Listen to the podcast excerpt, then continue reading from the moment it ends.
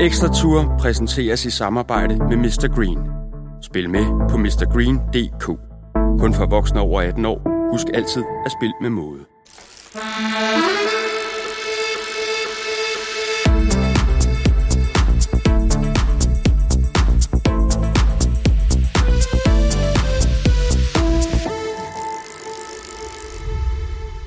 Velkommen til Ekstra Tour, Ekstrabladets podcast om Tour de France. Mit navn er Jakob Stalin, og jeg vil efter hver etape invitere indenfor i vores lille studie, hvor jeg får besøg af gæster. Nogle af dem fra cykelsporten, andre bare med en interesse for den. For det her, det skal være godt selskab, fascination af og kærlighed til Tour de France. Den har jeg selv. Jeg har dækket løbet 10 gange i Frankrig, lavet podcasts og tv om løbet, og jeg glæder mig til at dele glæden ved verdens største cykelbegivenhed med jer.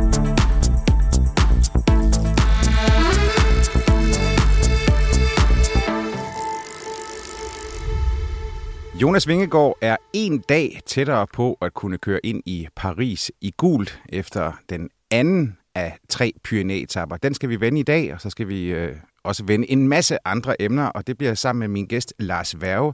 Velkommen til dig, Lars. Tak skal du have. Mange år journalist på blandt andet her på Ekstrabladet, udsendt til Tour de France 10 gange i perioden 2001 til 2010. Tidligere formand for Dansk Journalistforbund i dag. Mediepolitisk chef i øh, Dansk Erhverv. Og kan jeg godt øh, sige, øh, opstillet for Socialdemokratiet i øh, der, hvor jeg bor, Brøndshøj Husomkredsen. Så øh, vælgere, øh, potentielle vælgere i det område, de vil vide, at du også er manden, der har øh, Danmarks øh, største og blødeste håndtryk. Jamen, tak for den introduktion.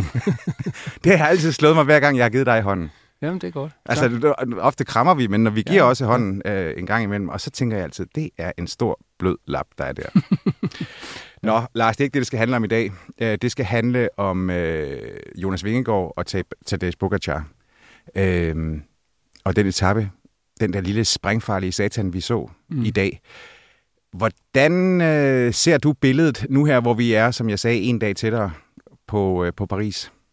Ej, jeg synes, det er svært at, at bevare pessimismen på Jonas Vingegaards vegne. Altså, øh, det, det er svært at se, hvad Pogacar kan stille op øh, snart hvis skal knække ham. Øhm, Vingegaard var i mindretal i dag på det sidste halvanden øh, stigning, og alligevel så, øh, så kører han øh, stort set lige op med Pogacar. Og jeg sad og tænkte, at hvis, hvis øh, Pogacar var blevet angrebet 800 meter ude i stedet for 300 meter ude, så altså lige inden de kører ind på rampen der, så, så kunne jeg egentlig godt have en fornemmelse af, at, at så var han knækket.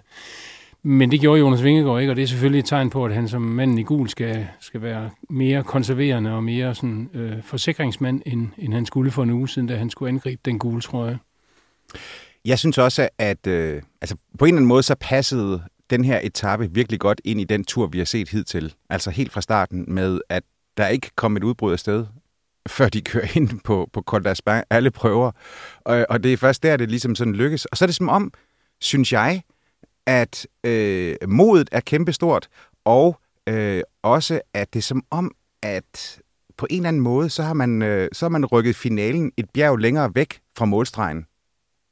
Tidligere, der ville du bare have set, at den forsering, som UAE de lavede i dag, den var kommet på den sidste stigning. Nu kommer den på den næst sidste. Altså, det er jo vildt at se øh, altså en, en, en trio, som så bliver en, en duo, anført af en hjælperytter på det sidste bjerg jeg synes, det er meget sigende for, hvordan den her tur den har været. Ja, det er, altså, det er jo tydeligt også efter i dag, at der er de to ryttere, som er en klasse for sig.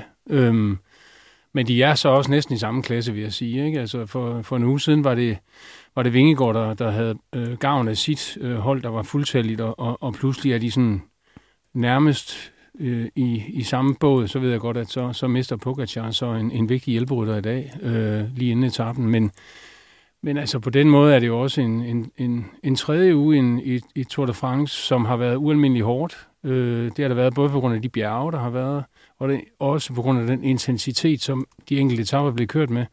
Og så skal man jo slet ikke underkende, at det er ligesom det er her i København i dag, så har det jo været stejende hit i, i Frankrig de sidste øh, to uger. Så, så det har også en pris for, for rytterne, det er der ingen tvivl om. Men der, hvor jeg tænker modet, øh, det er også sådan udkrystalliserer sig, det er lige præcis, at, at Rafael Maika, jo åbenbart slog sit knæ så voldsomt, da hans kæde den knækkede i går, at han ikke kunne stille til start og melder forfald Altså nærmest øh, inden at de ved kilometer 0, altså lige inden at de skal til og, og, øh, og ud af startbyen i dag. Og så med fire mand, ham selv inklusive Pogacar, så vælger de alligevel at blæse til storstilet angreb. Mm. Det men, synes jeg er sindssygt modigt. Ja, men, ja men, men jeg vil også sige, at man kunne nok også godt udlægge det som desperation. De ved godt, at de havde i dag, og så har de i morgen. Altså Pogacar og Vingegaard kommer også til at køre mere eller mindre lige op på, på enkeltstarten. Øh, det er ikke den, der kommer til at, at blive afgørende, ligesom det måske havde været for i nogle andre udgaver af Tour de France, hvor den sidste enkeltstart virkelig har en betydning. Det, det tror jeg ikke, den får, fordi de er så ens på den. Måske endda med en lille overvægt til Vingegaard. Så, øh, så, så mod ja, men jeg vil også sige, at det kunne også udlægges som desperation. De har vidst, at de havde ikke ret mange skud tilbage i, i, øh, i kammeret, eller ret mange patroner tilbage i kammeret. Og jeg er virkelig spændt på, hvad de vil stille op i morgen. Ja, fordi øh, nu så vi så øh, Mikkel Bjerg levere Øhm, det var en... sindssygt at se ham. Det var helt vildt. altså, vi har ikke været vant til at se ham i bjergene. Og så går han frem og smadrer over halvanden stigning. Altså, øh, klasse bjergrytter, så mm. de vel sidder tilbage og er en eksklusiv gruppe på en 10-12 ja, rytter eller ja. noget i den stil. Øh, jeg tænker ikke, at Mikkel Bjerg på noget tidspunkt, og det siger jeg uden at vide det, men jeg kan ikke forestille mig, at han er gået så dybt i sin karriere. Nu vel, den er ikke så lang, den karriere endnu, men jeg tænker ikke, at han er gået så dybt på noget tidspunkt. Altså, det kan jeg ikke forestille mig.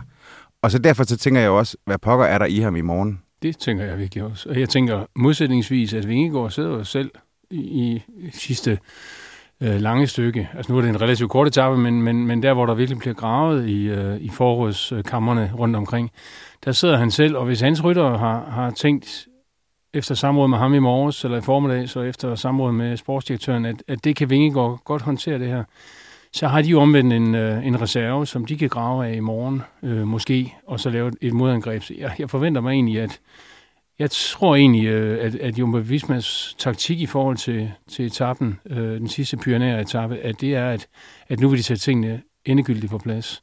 Øhm, men jeg er enig i Mikkel Bjerg. Det var, helt, det var helt vanvittigt. Jeg ved slet ikke, hvordan han kan komme i seng i aften. Nej. Eller stå ud af sengen i morgen.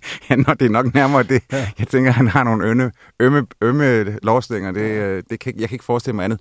Det var i hvert fald et meget, meget imponerende arbejde, og et lige så imponerende arbejde af Brandon McNulty, ja. Som jo sidder med, indtil der mangler 300 meter. Og det er først, da Jonas Vingegaard han lancerer sit angreb, at ja. Brandon McNulty han sætter, han sætter op. Og i øvrigt taber 32 sekunder på de 250 meter, mm. hvilket også viser alt om, hvor brutal den der øh, afsluttende stigning den var. Men jeg kan jo heller ikke forestille mig andet, Lars, end at, at Jonas Vingegaard, han må gå i seng med en rigtig god fornemmelse, selvom han tabte fire sekunder, og så sige, havde Pogacar haft mere, så havde han jo gjort det. Ja, ja. Det tror jeg også. Øh, havde Pogacar haft uh, Mike i stedet for Brandon, eller sammen med Brandon McNulty, så havde de formentlig også lanceret det tidligere, men, men, men de kan jo ikke køre frem Ingegaard jeg tænkte på et tidspunkt på, på den sidste etape, men inden de når helt op, at, at, at Vingegaard ligner jo måske mig, når jeg cykler til, til supermarkedet derhjemme i, i, i den bydel, jeg bor i. Altså, det var meget, øh, meget stille og roligt at se på, ikke? Øh, hvor jeg faktisk synes, når man, og det skal man passe på med, fordi folk har deres forskellige stil. Men Pogacar ser mere brugt ud i dag, øh, på vej frem mod øh, målet, end, end han har gjort tidligere, synes jeg, i tilsvarende faser af etaperne.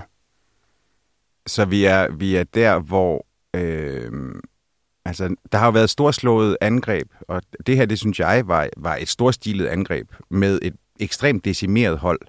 Øh, og det fik jo, som vi jo også har været inde på i den her podcast nogle gange, det fik jo nogle tydeligheder til at stå endnu tydeligere frem. Og, og sådan vil det næsten altid være i den tredje uge af et, øh, et stort etabeløb. At har man benene til at følge med, så kan man blive ved med det, og har det man ikke, jamen så må man sidde op, og det må man sidde op længere og længere fra mål.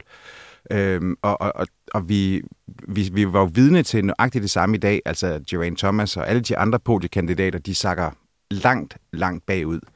Øh, men Jonas Vingegaard, han må jo sidde med en fornemmelse af, at der skal sort uheld eller en decideret off-day til at kunne frabriste ham den gule trøje. Ja, sidst han havde en ofte i Tour de France, det var i begyndelsen af sidste års, hvor han, hvor han havde, så vidt jeg husker, et styrt, eller, altså, hvor, han, hvor han fulgte, øh, hvad hedder han, uh, Roglic, øh, i, en, i en fase af, af løbet, hvor Roglic stadigvæk var kaptajn. Han har jo ikke rigtig, han har ikke rigtig vist svaghedstegn. Øh, så jeg er enig. Jeg tror, han, øh, jeg tror, han tænker, at, at der skal ikke ret meget mere til, så, så kan han øh, fløjte ned mod Paris øh, med, med sikkerhed for, at... Men igen, det er, øh, det er et løb, der, der er jo mange uforudsigelige ting. Altså, der er jo stadigvæk også, øh, der er jo stadigvæk også corona. Øh, der er jo stadigvæk ting, der kan komme ud fra. Ikke? Helvede, øhm, altså. så, så, så der kan ske alt muligt. Men jeg synes, at etappen i dag understreger det, som, øh, som en af dine første gæster jo øh, skrev en bog om gang. Man kan ikke gemme sig på et bjerg. Altså, det, det er jo det, der er tilfældet her. Ikke? Det må man sige. Ja. Fuldstændig rigtigt. Øh, Lars, hvordan... Øh, hvis det er sådan, du tænker tilbage på... Og jeg, jeg, jeg, jeg skal ikke bede dig om at rangere alle de ture, du har set.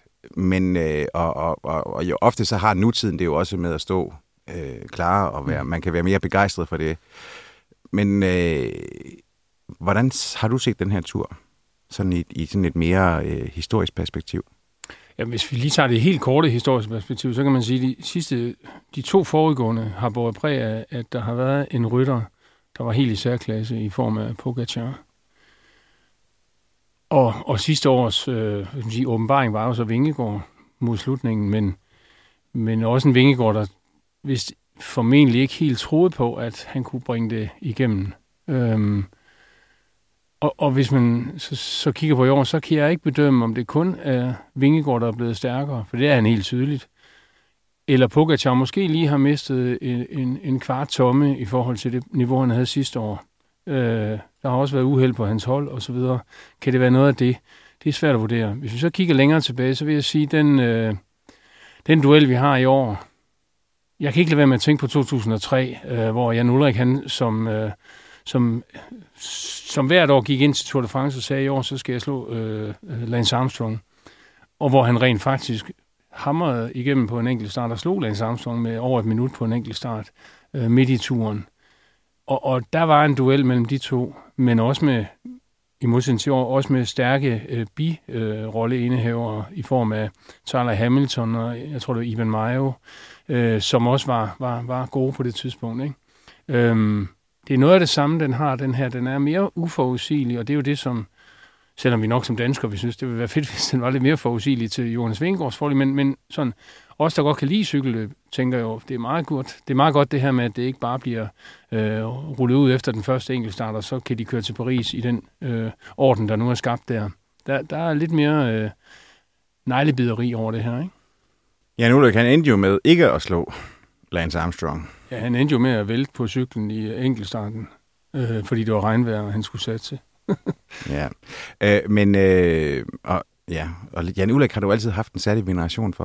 Er det ikke rigtigt? Jo, men det tror jeg hænger sammen med, at jeg er fra, ikke fra Sønderjylland, men, men fra det østlige Jylland, hvor vi altid så tysk tv, så jeg har altid haft en særlig sådan øje for tysk idræt. Øhm, og så var der den historie omkring Jan Ulrik, at han jo er født og, og opvokset som dreng i, i Østtyskland. Så der er hele... Rostock. Hele, ja, hele genforeningshistorien er jo også i, i, i Jan Ulrik. Øh, lige så vel som den var i Jens Fugt, og lige så vel som den var hos fodboldspillere Mathias Sammer og nogle andre. Nogle af dem, der kommer ind og skal klare sig på, på, på de vilkår der. Og så var Jan Ulrik jo et, et usædvanligt stort talent, men et meget, meget menneskeligt talent, der jo, øh, og det har det nok jo også hans øh, tid efter karrieren jo vist, at han var meget, han havde det, man vel i nogen sammenhæng kan kalde en svag karakter øh, i forhold til, til brug af, af, eller forbrug af alkohol og, og vist også andre ting efter karrieren er slut. Det var jo så med en Ulrik, at han hver vinter øh, kom øh, tilbage til, ja. til træningslejr. så var han så sådan, fed, mand. Virkelig sådan en kalkun, ikke? Altså, der bare var blevet virkelig godt polstret, og så gik der jo ikke ret lang tid, så havde han jo som regel smidt noget af det. Og så var han op mod et andet kæmpe talent, og det var jo Lance Armstrong, så det var også sådan... Så Lance Armstrong, der også kom fra et land, som indtil da ikke rigtig havde den helt store cykeltradition. Altså det havde Tyskland jo heller ikke på den måde. Der har været Rudi Altig og nogle enkelte andre, men det var ikke, det var ikke som Frankrig eller Italien eller Spanien. Det var sådan to, to outsider i sådan cykelsportens øh, sådan, sådan overordnede kulturelle, øh, historiske fortælling. De der to lande, ikke USA og Tyskland. Og så bliver det pludselig dem, der har hovedrollen. Og så et eller andet sted, så synes jeg jo, at jeg kan godt lide det der med, at der også er lidt, der er øh, lige lidt menneskelighed i, i det, og det, man kan sige rigtig meget, jeg vil også meget gerne tale om Lance Armstrong, men, men, men man kan nok ikke sige, at han var specielt menneskelig øh, i de år, hvor han kørte, øh, eller han, han var meget kynisk. Og Jan Ulrik, han var mere sådan, han havde også den der lidt skrøbelighed, som, som jeg i hvert fald sådan faldt for. Ja, det tror jeg, altså, at, ja, det synes jeg jo, at øh, også at eftertiden har vist jo, at der, der var den der skrøbelighed, og som jo øh, faktisk var ved at ende helt tragisk øh, ja. for et års tid siden, tror jeg det var. Ja. Øh, men altså, jeg ved ikke, jeg havde, jeg kunne, jeg kunne sgu også godt lide det der, jeg kunne, og jeg kunne godt lide den, øh, altså, jeg kunne også godt lide den der, øh, det han kom fra. Jeg kan huske en gang, hvor jeg var øh, nede til turen, og så, så kommer vi kørende der i, i vores bil, og så, øh, så længere frem, der, ser, der holder der sådan en, en, en camper ude i, øh, i siden, og, og kan se, der sidder sådan to mennesker. Og det er sådan lidt svært at se, hvem der er manden og kvinden, øh, fordi de er, sådan, de er lige lyserøde. og, og de var sådan, altså, det var så bikinien, der afslørede, øh, hvem der var kvinden, men de havde sådan set den samme kropsform. Og så var der et stort banner på siden af den her camper, hvor der stod, Rostock grüßt der Jan. Jeg synes, det var vidunderligt. Jamen, det er det. Det var et, et, et, smukt, fantastisk. et smukt billede. Det, det behøver man ikke at tage billeder af. Nej, det, det, der, for, det, for at kunne beskrive det, det står, så folk det kan står forstå det. Ikke? tindrende klart ja. i min erindring. Ja. Øhm, ja. Lars, altså, vi to, vi dækkede jo også cykelsporten i en tid, som var øh, udfordrende for cykelsporten. Der mm. var, det var i, øh, du var selv med i, øh, altså du begyndte også at skrive om cykelsport i tiden med Festina og så videre, altså, og, og, og de øh, enorme dønninger, det gav. Så kom der øh, Operation Puerto øh, i 2006, og der var Landis og Michael Rasmussen i 2007. Det har, det har fyldt rigtig meget. Du har også skrevet bøger øh, om doping i cykelsporten. Hvordan ser du cykelsporten i dag, hvor du ikke har beskæftiget dig professionelt med den i øh, omkring 10 år, tænker jeg? Ja, altså jeg, jeg stoppede med, med at være aktiv journalist i 2000, foråret 2011, da jeg blev, blev hvad det, valgt som, til ledelsen i Dansk Journalistforbund, som var på fuld tid. Så, så, så stoppede jeg på Ekstrabladet, og så, og så startede jeg der. Siden har jeg faktisk ikke, øh, jeg har skrevet en enkelt kommentar eller noget i den stil, men, men jeg har ikke været journalist. Altså kommentarer, politiske, fagpolitiske ting og sådan noget. Jeg har ikke været sådan journalist. På, på den måde har jeg forladt det, og har ikke noget som helst... Øh, stofområde, kendskab til cykelsporten, som, som vi havde dengang, hvor at det var et fast område, man skulle ringe. Man ringede jo jævnligt til stor og, og lille inden for dansk og nogle gange også øh, udenlandsk cykling. Øhm, kildenetværk er jo altafgørende, øh, og det var det også dengang. Det har jeg slet ikke længere. Det er klart, at, at der er stadig nogle af de øh, bekendtskaber fra dengang, som som ved, hvem jeg er, og som jeg hilser på, og kan skrive med, og er på venner med, eller hvad man kalder det på Instagram eller andre sociale medier, men, men jeg har ikke nogen øh, relation til nogen. Og derfor kan jeg ikke, jeg kan ikke udtale mig om, om, om cykelsporten er mere eller mindre ren nu. Nej, det er faktisk heller ikke det, men, men, jeg, ja. men jeg kan udtale mig om, eller jeg kan fortælle, at, at jeg øh, faktisk, øh, faktisk lige siden jeg stoppede, har jeg, har jeg forsøgt at, at, at følge en del med som fan. Altså, ikke en fan af et eller andet bestemt hold. Jeg synes, det er fedt, at vi har en rigtig stærk øh, dansk repræsentation. Men, men det er ikke sådan, at jeg tænker, at nu skal jeg holde med øh, Jumbo Visma, eller nu skal jeg holde... Altså på den måde, så, så er det mere bredt. Det er ikke som hvis jeg så fodbold, hvor jeg har et favorithold. Men, men i, i cyklingen er det mere sådan, jeg prøver at følge med. Jeg, jeg nyder at se et godt cykelløb, og jeg har ikke... Øh, jeg, jeg gør mig ikke sådan specielle tanker om, om den eller den er dopet eller et eller andet. Og, og til Sydlandet er der i hvert fald ikke fundet nogen... Øh, der, er, til, altså, der er ikke meget doping tilbage til Sydlandet, fordi der er jo ikke fundet nogen positive prøver i de sidste mange, mange måneder, for ikke at sige år, blandt øh, uh, toprytterne. Så det kunne tyde på, at de har fået has på det. Øhm, og så kan jeg jo godt sidde og tænke med min erfaring, åh jamen, når nogen kører for godt til, at det er sandt, så er det nogle gange ikke rigtig sandt. Altså, så ligger der måske noget under, men, men det er jo bare sådan noget, altså, Lige så vel som man kan sidde og skælde ud på en dommer, der dømmer øh, straffespark, hvis man ikke mener, der var det. Altså på den måde kan man have nogle personlige øh, sympatier eller nogle personlige synspunkter. Men jeg har egentlig siddet øh, og fulgt det øh, sådan rimelig fast, men, men, men det er jo svært med cykelsport, fordi det jo meget ofte finder sted i arbejdstiden. Øh, så derfor kan jeg jo ikke sidde og sige, at jeg ser alle løbene eller sådan noget, men, men de store løb, de store etaper og sådan noget, dem prøver jeg at se. Nå, men det er mere, altså der er ikke sådan en, øh, der er ikke kommet sådan en, hvad skal man sige, en reaktion fra den gang, hvor du så efterlod dig og sagde, jeg gider ikke det mere. Altså, der har været for meget, jeg er blevet, jeg er blevet snydt og bedraget for mange gange, eller ikke jeg, men vi Nå, den følelse, jeg havde sgu også, at det var mig. Altså, jeg havde følelsen af nogle gange, at jeg for Tour de France, jeg synes, at Lance Armstrong, han havde simpelthen løjet mig op og ned i ryggen. Det viser sig så også 10 år senere, at det havde han. Det indrømmede han selv, ikke? The Snake kaldte han dig. Ja, Snake with Arms. Ja, det kan jeg huske. men, men, men jeg kan huske, eller jeg, jeg, den, den fornemmelse at, at, at blive løjet og, og, og ikke altså, få hele sandheden, eller, eller bare blive behandlet skidt, fordi man forsøger at passe sit arbejde, det er klart, det, det er jo egentlig bare en fornøjelse at slippe for det, og så sige, så, så må der være nogle andre, der gør det. Øh, og så, øh, og så, så har jeg egentlig synes at, at cykling var, det var spændende at følge med i. Altså, den øh, filosofi og, og tilgang, som, som der er inden for cykelsporten, hvis vi sådan skrætter det der væk med, at de sidder med, med, med lyd i ørerne fra sportsdirektørbilen og alt det der, men, men, men, men fornemmelsen af, at, at cykling handler om at, at overkomme sig selv, øh, den filosofi kan jeg meget godt lide. Altså, øh, selvfølgelig er det en holdsport, men det er også meget en individuel sport. Det er særligt fremtrædende på en etape som den i dag, jo, at, at, at det individuelle fylder rigtig meget. På et eller andet tidspunkt møder du dine grænser, så må du sætte farten ned. Det er ikke helt det samme altid, når du ser en flad etape, så kan man sige, så kan man nogle gange i højere grad rulle med og sådan noget. Ikke? Jeg kan godt lide det der med, at man kan, man kan ane grænserne for formåen i, i, i den præstation, der er. Ja, ja, det er jo, det er jo nådesløst en dag som i dag. Altså, der kan en sportsdirektør, han kan jo råbe nok så meget, at man skal... det er helt formentlig altså, det hjælper, gjort, ja. det hjælper jo ikke en skid. Ja. Man kan jo køre det, man kan. Ja.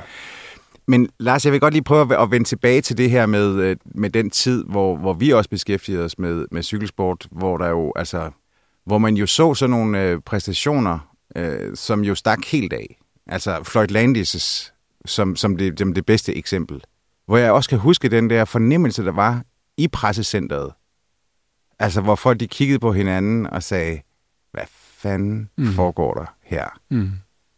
Øh, og så, øh, og, altså, det, det år har der jo, er, er det jo blevet indledt med Operation Puerto, som jo betyder, at Lance Armstrong og Ivan Barso og... Øh... Nej, jeg nu at Ivan Barso bliver... Hvad så undskyld? Ud, Ivan, det er året efter, ja. at Armstrong er stoppet. Ja, undskyld, det var, heller ikke, det var nu heller ikke Lance Armstrong, jeg men ja, lige præcis. Jeg nu lægger Ivan og øh, Ivan Barso ryger ud, inden vi overhovedet kommer i gang i Strasbourg. Ja, jeg var jo, øh, en, hvis jeg lige må afbryde dig, det gjorde jeg så alligevel en måned, halvanden tidligere, var jeg nede og dække uh, Giro d'Italia, øh, hvor at øh, Operation Puerto, der er en, en, en, en politioperation, der finder sted i Spanien, i Madrid omkring lægen Eufemo Fuentes, men med, med kunder, øh, et kundekartotek, angiveligt også fra andre sportsgrene, men i hvert fald cykelsportsmæssigt fra, fra øverste hylde.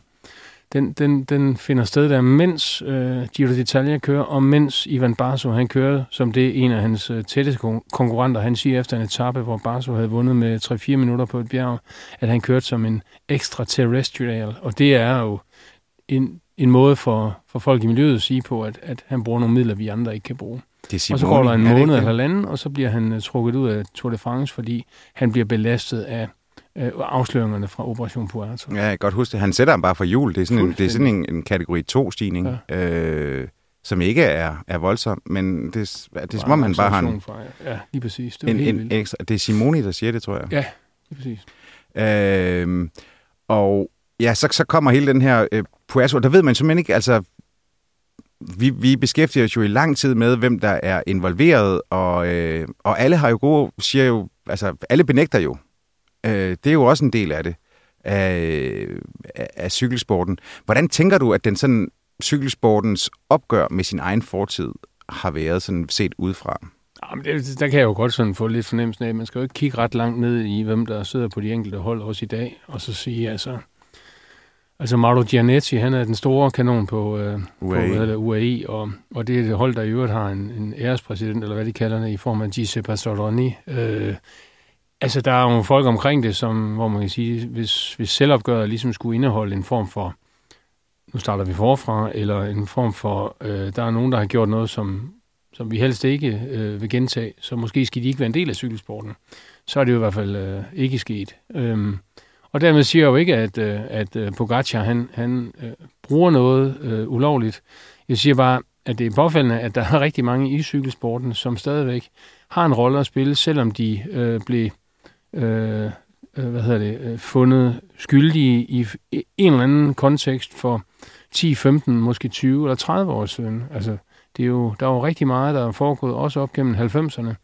Øhm, og så sidder vi i dag, og det, det tror jeg også, I har beskæftiget jer med den her podcast på et tidspunkt, men så sidder vi i dag og siger, at, at nu, nu er vi et andet sted. Og så er der jo sådan nogle skikkelser som Lance Armstrong, som Bjarne Ries, som, som ikke har nogen officiel rolle og ikke bliver inviteret til nogen ting, mens andre øh, godt kan blive det, selvom de har haft, øh, Kim Andersen har haft det x antal doping-sager i sin karriere i 80'erne, men han er sportsdirektør på track, og så videre, og så videre, og så videre. Så, så jeg vil sige, sådan, i forhold til troværdighed, så, så vil jeg nok ikke sige, i den kontekst, at cykelsporten er specielt troværdig. Men det tænker jeg ikke ret meget på, når jeg sidder og kigger på det. Altså, mm. så, så, så, så sidder jeg og tænker, om det var sgu et fedt cykelløb i dag, eller hold da op, hvor var det kedeligt. Den allerførste bjergetappe, jeg skulle se efter jeg var stoppet i, på Ekstrabladet i sin tid, og havde tiden til at sætte mig foran fjernsyn og nyde det. Det var i 11, tror jeg, 11 eller 12, hvor jeg satte mig ind i en, øh, hvad hedder det, øh, sommer, øh, så, øh, ind, i, ind i stuen i vores sommerhus, så skulle jeg se Andy Slæk og Contador, og der skete simpelthen ikke noget på den etape. Så fruen kommer tilbage over fra, fra stranden og siger, var det en fed etape? Jeg var så eddikesur, fordi jeg havde spildt fem timer for at se en etape, der ikke skete en skid på. Sådan er det jo også nogle gange. Det er det, ja. Øh, Frank Slæk, Andy Storbror, han havde jo, øh, han, han havde jo også en lille forbindelse til øh, Fuentes, Ja, det er rigtigt. Han havde, øh, fordi der dukkede en, en, øh, nogle papirer op, hvor han havde betalt 8.000 euro. Øh, var det ikke for træningsprogrammer, eller hvad var det, han fik Jo, han ville gerne købe for 8.000 euro træningsprogrammer af en gynekolog fra Madrid, ja. øh, som åbenbart øh, vidste, hvordan... Øh, ja. Det var i hvert fald historien. Det var troværdigt. ja, det, det var i hvert fald forklaringen, øh, der, der kom dengang. Øh, men Altså, jeg synes jo, at selvom at jeg har også været med til at, øh, at beskrive cykelsporten i en tid, hvor, øh, hvor den var øh, meget betændt, så har jeg også altid haft sådan lidt en... Øh, altså, så har jeg også haft en aversion mod dem, der sagde, ja, men det er jo bare fordi, de kan... De, hvis, der ikke er, hvis man på, påpeger, at der ikke er nogen, der bliver fanget, at, så er det fordi, de er smartere end systemet, osv. osv. Altså, at der altid er at hvis det er sådan, at jeg, skal, hvis det er sådan, at jeg tager det andet standpunkt, standpunkt så, skal der, så er der kun én positiv prøve, der skal til, for at, øh, at de siger, haha, se hvad jeg sagde. Øh, mens at de kan tage det standpunkt, uden at der er nogen, der bliver fanget, at der hele tiden er et eller andet form for lag af snyd og bedrag i sporten. Kan du følge den øh, tanke? Ja, det er klart, at øh, det tror jeg hænger sammen med sådan en eller anden form for Søndefalds øh, myte inden for cykelsporten, altså at, at der har været så mange sager i så mange år, så på en eller anden måde, så, øh, så bliver det lidt ligesom, og det her siger jeg ikke for at skyde på en bestemt faggruppe, men, men jeg tror, at lægerne i sundhedsvæsenet har måske også øh, lidt, de kan også godt føle, at det går ud over deres ry, hvis der er en fejloperation på et eller andet sygehus langt ude i, i en eller anden øh, del af, af landet, som ikke har noget som helst med det, de sidder som læger og laver på det sygehus, eller i den praksis, de nu har. Men det bliver sådan lidt, nu har lægerne igen. Altså, politiet skal ikke lave meget, før, altså, før at, at, at det bliver Så bliver man slået i hardcore. Altså, ja, der bliver sådan lidt, og det, det kan jeg godt forstå, at, at, at nogle cykelrytter, der har rent mel i posen, jeg var lige ved at sige vist, men jeg siger, der har rent mel i posen, at de så også synes, det er træls. Øh, og den, øh, den øh, synsvinkel, eller den, den, den fejl har jeg da også selv begået på et tidspunkt, for jeg, jeg var jo ikke kun der, hvor jeg skulle skrive artikler om, øh, om cykelsporten på Ekstrabladet, jeg skulle også skrive kommentarer, hvilket er en svær kombination og vurdere samtidig, når man skriver kommentarer. Jeg tror også, du selv i en periode var ude for noget af det samme på BT, dengang du var der. Øhm, at hvor jeg i hvert fald en enkelt gang fik skrevet, at man, man kan ikke stole på cykelryttere. Og det er jo en fuldstændig øh, vanvittig påstand, fordi hvorfor skulle man ikke kunne stole på cykelryttere øh, generelt? Der er nogle cykelryttere, man måske ikke kan stole på, eller ikke kunne stole på. Øh, så den fejl øh, fik jeg da også lavet øh, dengang, og det, det, var, det var der ikke sådan en, der bidrog til, at man ligefrem bliver klappet af, når man kommer ind til et pressemøde. eller at folk tager telefonen. For eksempel. Nummervisning er, det er opfundet i helvede. Det der, Præcis. Lars, men altså, øh, i morgen der skal vi glæde os til at se og glæde, det mener jeg, øh, glæder os til at se en, øh, en ny etape. Mm. Og, øh, og det er jo også en etape, som på en eller anden måde, altså hvor, hvor historiens vingesus øh, kan høres og fornemmes. Der er mål på Otakam. Det var den samme etape, som øh, Bjarne i den gule trøje, han så øh, øh, famøst gled ned igennem frontgruppen for at se dem an, en for en. På den store han, klinge. Lige præcis, inden han så rykkede væk ja. øh, og plantede dem alle sammen, som var det, hvad det nu var i Hartsen. Øh, I morgen der har vi så Jonas Vingegaard øh, i den gule trøje. som skal køre Otakam. Øh, tror du, at... Øh, jeg ved ikke rigtig, hvordan jeg skal have det med det. Altså, du ved, skal vi, kommer vi til at måle ham op imod? Øh, eller... Øh, Altså, der er jo det med de store bjerge. De store tænder og de højeste øh, mål for de store etapper. Der har de jo i sig selv en historik. Øh, der er jo udgivet, jeg har en bog øh, liggende, som, som jeg købte i sin tid i Frankrig, øh, om, som L'Equipe udgav om Tourmalet. Altså, jeg mener, det er jo... Øh, det er jo vildt. Øh, der, der, der er jo også sikkert skrevet bøger om både Alpe d'Huez og alt muligt andet, og, øh, og der er jo kongerækker i forhold til, hvem der er kommet først, og hvem der er kommet hurtigst op, og, og hvordan lø, øh, løbene eller etaperne er blevet afgjort. Så jeg tænker ikke, at Jonas Vingegaard han sådan øh, specielt øh, skal måles i forhold til Bjarne Ries, men også i forhold til nogle af de andre, øh, som, som har vundet der, hvis ellers han vinder. Øh, det kan jo også godt ske, at de i morgen siger, at vi lader et udbrud køre hjem og lader Froome få den sejr, som han et eller andet sted måske øh, kan sige sig have gjort sig fortjent til, fordi han er kommet tilbage efter et fuldstændig livsfarligt øh, styrt for tre år siden. Eller et eller andet andet. Det, det, det er svært at sige, men, men jeg tror, at Vingegaard kommer til at, at sætte tingene øh, på plads i morgen. Det, det, jeg kan ikke se, rigtig se anden udvej i forhold til klassementet. Nej, jeg tror, øh, jeg tror, du har ret, men det bliver vi, øh, det bliver vi meget klogere på. Det, øh, det kan kun fremtiden vise. Det, det er faktisk rigtigt, Lars. Det Flosklernes holdeplads.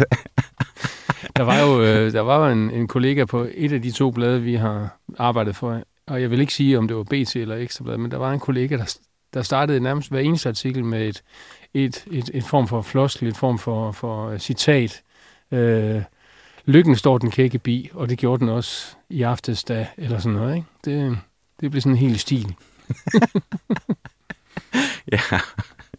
Nå, jeg skal se, hvad jeg kan finde på, uh, hvad, jeg kan finde frem til, til floskler i morgen.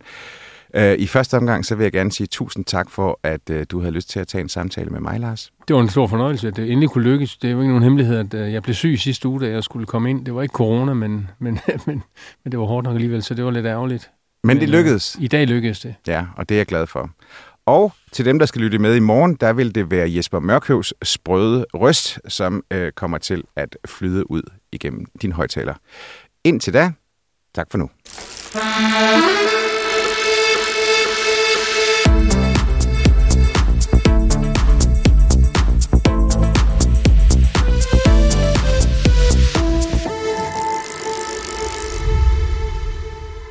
Ekstra Tour præsenteres i samarbejde med Mr. Green. Spil med på mrgreen.dk. Kun for voksne over 18 år. Husk altid at spille med måde.